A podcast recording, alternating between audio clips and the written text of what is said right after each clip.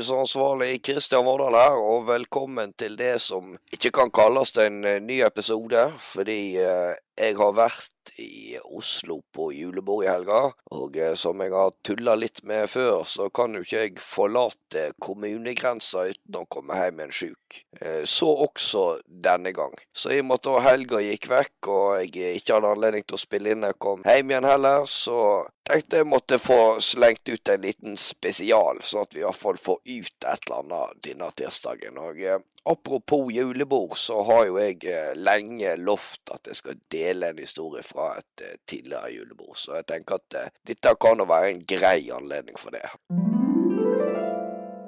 Vår historie starter en desemberkveld i 2018. Viljar hadde invitert til storstilt julebord i Bergen, og alle hans beste venner var invitert. Alle hadde forsynt seg rikelig av den deilige julematen, utenom Christian. Han led av matintoleranse og hadde spist pizza. Nå var det på tide å drikke seg tullete, slik bare gutter på rakettfart inn i den verste midtlivskrisa kan, men ikke før verten hadde servert digestifen, den perfekte måten å kickstarte festen på. Vilja akte seg gradvis fremover på stolkanten, og kikket forventningsfullt rundt seg, i håp om å få klarsignal. De hadde vel ikke glemt tradisjonen. Nei da, det tok ikke lang tid før det runget utover lokalet. Vi vil se Vilja naken, vi vil se Vilja naken. Vilja vagget seg ut på gulvet foran den forventningsfulle guttegjengen. I tur og orden kledde han av seg. Dressjakke, sko, sokker, stillongs og underbukse ble vrengt av. Til slutt sto han igjen i blankemessingen. Både oventil og nedentil, kun atskilt av en sort, altfor trang turtleneck. Mats Elias rødmet i kinnene og flirte for seg selv. Han hadde nettopp startet sin praksis som mannlig underlivskirurg, og syntes at Vilja var mistenkelig lik en omskjært penis der han sto og vrikket seg rundt på gulvet. Guttegjengen elsket showet. Nathaniel kjente hårene reise seg på rumpa. Vilja elsket også. Han elsket oppmerksomheten. Han følte seg nesten 1,80 høy der han sto med buksen rundt anklene og mottok hyllesten fra et ekstatisk publikum. Spesielt Torgeir synes at dette var gøy. Han hadde også lyst til å vise tissen. Hvorfor ikke, tenkte han. Prøv å stoppe meg nå, Marit, brølte han ut, og dro fram det vår skaper hadde gitt han. Sindre bare ristet på hodet. Han var ikke imponert. Penisene som var avbildet i lærebøkene hans var mye større og flottere, tenkte han for seg selv. Vilja begynte å trekke på seg buksen igjen. Nå var det ikke noe gøy lenger. Han hadde lagt merke til at Høytfjes sto og filmet seansen hans med mobilen. Hvorfor filmer han? Hvem er det han skal vise det til? Er det til de tøffe vennene hans på østkanten? Hva vil de tenke? Høytfjes hadde nylig flyttet til Oslo, på desperat jakt etter et miljø å finne tilhørighet i. Dette var ikke enkelt for en sjenert gutt med rødt hår og fregner, men i smeltedigelen på østkanten hadde han glidd rett inn i det multikulturelle fellesskapet. Hva faen, er det en penis eller en brunsnegle han vifter rundt med mellom beina? Vilja kunne høre det for seg i hodet. Han ble rasende. Hadde han hatt hår på hodet, hadde han revet av i sinne. Han skulle ta igjen. For Vilja har angrep alltid vært beste forsvar. Høytfjesa homo, ropte han ut. Høytfjes kjente svetten jobbe seg nedover pannen med uforetreden fart. Han hadde likevel ikke hastverk med å få tørket det bort, han hadde mye panne å gå på før svetten nådde øynene. Han løste ikke svetten fordi han trodde dette var øyeblikket han måtte komme ut av skapet. Han hadde bare ekstremt lav terskel for å utløse svette. For Høytfjes var heterofil. Ingen satte større pris på et velutviklet brystparti enn Høytfjes, og det visste de alle. Viljar også. Kom igjen, gutta, jeg orker ikke krangling, jeg vil rekke å bli driting som jeg ser enda har hår og forhud ropte Markus ut. Det ingen av de andre visste, var at Markus bar på en stor sorg. En sorg som var ekstra tung å bære i julen. Han drakk ikke bare for å ha det gøy, han drakk først og fremst for å glemme. Glemme at Dan Even og Uen ikke lenger vil gå julebukkmann eller leke krig i hagen til Ole Kristian. Oppfordringen fra Markus hadde hjulpet, men gutta var ikke oppe på det nivået de pleide å være. Ikke oppe på det nivået de trengte å være før de skulle på byen og gjøre skam på hele Flores omdømme. Heldigvis visste Terje råd. Han skulle få gutta opp. Han stilte seg opp på bordet og fikk raskt de andre guttene sin oppmerksomhet. Det hadde han i blodet. Han var tross alt sønn av en fagforeningsmann. Opp av bukselommen dro han en iPod, fylt til randen med siste hyl innen østeuropeisk syremusikk. Han plugget i jack-kabelen, fant fram den råeste sangen han hadde i arsenalet, og trykte på play-knappen. Brått var alle hemninger glemt, og stemningen sto i taket. Nå manglet bare siste finish. Akevitten skulle sendes på rundgang. Hver av gutta tok en stor støyt, etterfulgt av en stram grimase før flasken ble sendt videre. Æsj, den smaker jo faen meg ræv, ropte Christian. Han hadde nemlig på et tidligere julebord smertelig fått erfare hvordan ræv faktisk smaker, men det får bli en historie for en annen gang. Jens Omar rev til seg flasken. Han var nestemann i køen, og smaken av rumpehull var det beste han visste. Jens Omar hadde knapt rukket å bli klissete i trusa før Arve skrudde av musikken og tok ordet. Jeg har fiksa oss taxi til byen. Noen må legge ut, så vippser jeg i morgen. Akt to. Taxien ankom sentrum, og ut av bilen veltet den ene fordrukne mannegutten etter den andre. Deretter gikk turen inn på nærmeste utested.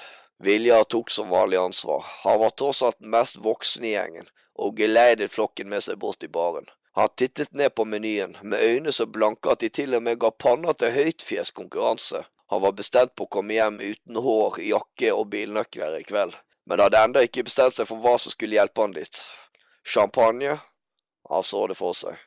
To fortvilte øyne som møtte han i døra når han kom snublende inn i gangen. Ikke i rumpa, Viljar. I rumpa, jo. Det kan du ta deg faen på. Et fenomen han hadde forelsket seg i etter en guttetur til Rodos. Champagnen skulle sprettes i ræva. Først vondt, jo da, men etterpå så inderlig godt, den deilige, avkjølende spruten, nærmest som et bølgeslag utover de appelsinkamuflerte rumpeballene, og så i munnen. Nei, ikke i kveld. I kveld skulle han drikke seg sint, så sint som nesten bare Arsenal kunne gjøre han. Ikke Tequila. Han skulle faen ikke ut i skogen i natt. Han endte til slutt opp med å bestille jegershots, nok til å ta livet av en fullvoksen flodhest. Hver og en tok sin tildelte mengde. De turte ikke annet. Vilja hadde allerede begynt å bli sint. Man kunne nesten speile seg i øynene hans. Deretter videre til dansegulvet.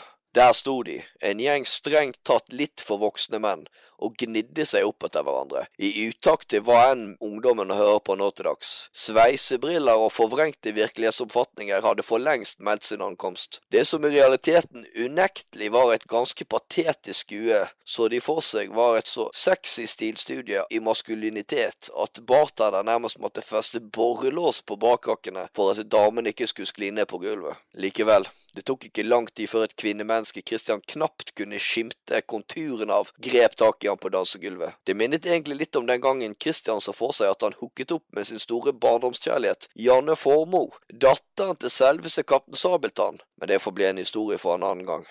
I'm coming home with you tonight, sa hun, som passe usexy. Christian var normalt sett ganske kresen. Han pleide i hvert fall å skylde på det når de andre i guttegjengen påpekte hvor få hull han hadde i beltet. Samtidig var han ganske dårlig til å si nei. I tillegg var det jo litt spennende å konversere på engelsk. Det at det hadde vært full allsang i taxien på vei til byen om at Vårdal er virgin, hjalp ikke akkurat på dømmekraften heller. Nå skulle han faen meg vise de. Han tok hånden til kvinnen og begynte å geleide henne i retning utgangsdøren, så godt som bena hans evnet å bære han. Bor du i nærheten? Det viste seg at hun snakket ganske godt norsk. Det la en liten demper på entusiasmen, men i og med at han allerede hadde delt ut fuck offs-blikket til kompisene idet han forlot dansegulvet, var det for sent å snu. Heldigvis hadde Høytfjes allerede måttet kaste inn håndduken på dansegulvet, tømt baren for tørkepapir og trukket til utgangsdøra for å trekke frisk luft. Gjenskinnet fra den glinsende pannen tok rollen som en mindre glamorøs utgave av Betlehemstjernen, der han viste vei for to fordrukne sjeler ut av lokalet og inn i nattens mørke eventyr. Akt tre Et halvt år er gått. Kristian er trygt hjemme i Florø. Trygt hjemme i kjelleren til mor og far. Her kan ingen skade han trodde han. Pling, sier det fra telefonen. En meldingsforespørsel har tikket inn på Messenger. Han plukket smånervøst opp telefonen. Alltid skummelt med meldingsforespørselen. Han kjente det i kaldt nedover nakken idet han åpnet meldingen. Nesten like kaldt som den gangen han fikk en golden shower i Hammeråsen. Men det får bli en historie for en annen gang. Hei, vet ikke om du husker meg, men vi må snakke. Han kunne jo ikke skryte på seg å ha mange likheter med en elefant, men hukommelsen sto i stil, og seks måneder tilbake i tid klarte han i hvert fall å huske. Hvordan i all verden har han funnet ut hva jeg heter? Han kunne ikke huske at han hadde gitt sitt fulle navn, og hukommelsen var som sagt en av hans sterke sider. Kanskje like viktig, hvorfor i helvete må vi snakke? Han konkluderte umiddelbart med det verste. Det er faen ikke mulig å ha så uflaks. Vikene var fylt til randen med svette.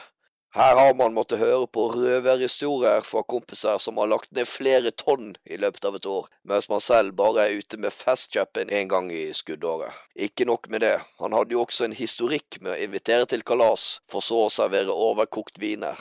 Han var ganske sikker på at dette også var en sånn kveld, og så er det han, av alle, som skal ende opp med en løs unge. Svetten fra de overfylte vikene er begynt å jobbe seg ned langs ansiktet. Han måtte prøve seg på en spansken.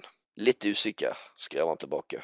Vi hadde en one night stand. Litt dumt at jeg kontakta deg sånn, men jeg må spørre deg om noe. Er du hiv-positiv? Han kjente en overveldende lettelse bre seg gjennom kroppen. Ikke at en potensiell hiv-diagnose var noe å heise flagget for, men i hvert fall bedre enn å sette barn på en vilt fremmed, tenkte han. Nei, ikke meg bekjent, sendte han i retur. Nå gikk meldingen mellom dem i rakettfart. Sikker? Jeg har ikke akkurat testa meg, så helt sikker kan jeg vel ikke være, men jeg har ikke merka noe symptom akkurat. Eh, hvorfor spør du? Fordi det ser ut som jeg har symptomene, og du var min første one night stand. Han kjente på et lite snev av stolthet. Han hadde vært eh, såpass sjarmerende den kvelden at hun rett og slett ikke hadde klart å dy seg, tenkte han.